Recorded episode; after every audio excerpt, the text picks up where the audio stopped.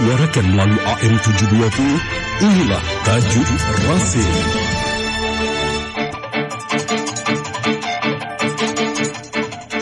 Tajuk Radio Silaturahim, edisi Kamis 20 Jumadil Awal 1444 Hijriah. Bertepatan dengan 15 Desember 2022. Diberi judul Arab, Cina, dan Perubahan Geopolitik. Smith Al-Hadar. Pada 7 hingga 9 Desember lalu, ada peristiwa politik tidak biasa yang berlangsung di Riyadh, Arab Saudi. Tidak kurang dari 20 pemimpin Arab berkumpul dengan pemimpin Cina untuk menghadiri tiga konferensi tingkat tinggi sekaligus, yakni KTT Cina Saudi, KTT Cina Arab Teluk, dan KTT Cina Arab. Dalam konteks persaingan Amerika Serikat Cina, kehadiran Presiden Cina Xi Jinping di Riyadh untuk memperluas dan memperdalam hubungan Cina Arab di segala bidang dapat dilihat sebagai tindakan menantang Amerika Serikat. Sambutan hangat para pemimpin Arab terhadap Xi merupakan tindakan demonstratif melawan hegemoni Amerika Serikat. Toh mereka mengabaikan peringatan Washington. Upaya Cina memperbesar pengaruhnya di Timur Tengah bakal tidak baik bagi aturan internasional. Mereka juga tidak akan menggubris kegusaran Amerika Serikat terkait dengan kerjasama yang melibatkan perusahaan Huawei teknologi Cina. Amerika Serikat telah mengingatkan sekutunya untuk mengenai resiko penyadapan dalam kerjasama dengan Huawei yang berpartisipasi dalam pembangunan jaringan 5G di sebagian besar negara Arab Teluk. Yang mencokok mencolok adalah sikap pembangkangan Saudi terhadap Amerika Serikat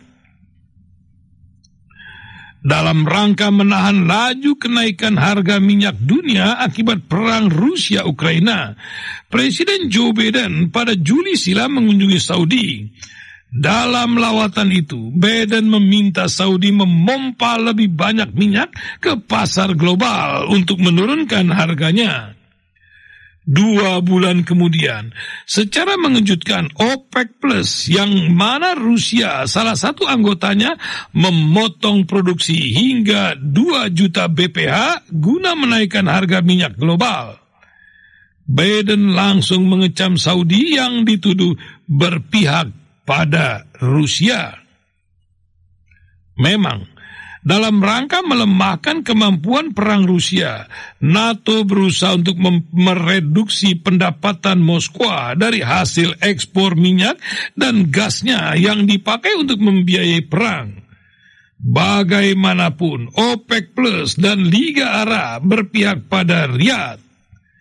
Sikap Arab terhadap Cina dan Amerika Serikat tidak bisa dilepaskan dari perubahan geopolitik global Sejak pemerintahan Amerika Serikat di bawah Presiden Donald Trump, Amerika Serikat menggeser prioritas politik luar negerinya dari Timur Tengah ke Indo-Pasifik.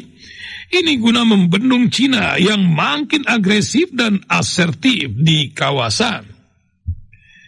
Cina mengklaim 90% wilayah Laut Cina Selatan berdasarkan 9 garis putus-putus buatannya namun Mahkamah Arbitrase Internasional menolak klaim Cina tersebut. Tidak pelak lagi kiprah Cina membangunkan Amerika Serikat dan sekutunya. Maka itu kita menyaksikan pemberi eh, pembentukan kuat aliansi militer Amerika Serikat, Jepang, Australia, dan India, serta AUKUS, aliansi militer Amerika Serikat, Australia, dan Inggris. Di luar itu, Amerika Serikat melakukan perang dagang melawan Cina.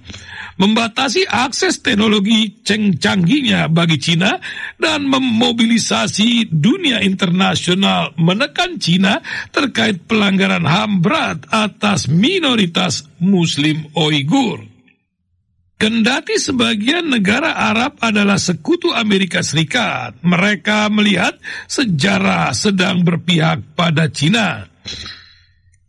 Artinya, Kemunculan Cina sebagai negara adidaya melampaui Amerika Serikat tidak terelakkan. Karena itu, membangun hubungan erat dengan negeri tirai bambu itu sangat strategis dalam jangka panjang, sekaligus untuk mengimbangi Amerika Serikat yang hegemoni. Hal yang juga menarik negara-negara Arab, Cina bersikap netral terhadap urusan dalam negeri negara lain. Berbeda dengan Amerika Serikat dan sekutu Barat yang mengaitkan bantuan dan pinjaman dengan penerapan demokrasi dan penegakan HAM. Cina mengabaikan semua itu. Bahkan melalui inisiatif Sabuk dan Jalan atau BRI, pembangunan infrastruktur global untuk menunjang pertumbuhan Cina, Beijing mengobral pinjaman hampir tanpa syarat. Peringatan Amerika Serikat bahwa BRI berpotensi menciptakan perangkap hutang diabaikan banyak negara miskin. Yang juga harus disebutkan, Cina merupakan importir terbesar energi Arab. Dalam KTT Saudi Cina, Cina menandatangani 46 kesepakatan dan Memorandum of Understanding dengan nilai awal sebesar 30 miliar dolar Amerika. Z dan Raja Saudi Salman bin Abdul Aziz Al Saud menandatangani perjanjian kemitraan strategis komprehensif. Kedua negara menekankan pentingnya melanjutkan langkah kerjasama di seluruh bidang, serta menggapai cakrawala baru yang menjanjikan. Kedua pihak telah melaksanakan lebih dari 200 proyek kerjasama berskala besar di bidang energi, infrastruktur, dan bidang lainnya. Proyek-proyek itu merupakan jalur penting bagi negara-negara Arab untuk mencapai tujuan pembangunan mereka. Memang, pembangunan Arab terhadap hegemoni Amerika Serikat, ya, pembangkangan Arab terhadap hegemoni Amerika Serikat tidak berarti mereka telah meninggalkan Washington. Amerika Serikat masih merupakan kekuatan ekonomi politik dan militer yang belum dapat digantikan Cina. Langkah yang mereka lakukan adalah ikhtiar menjawab perubahan geopolitik global dan Cina sedang memainkan peran menentukan dalam proses pembentukan tatanan baru atau the new world order. Wallahu a'lam bissawab.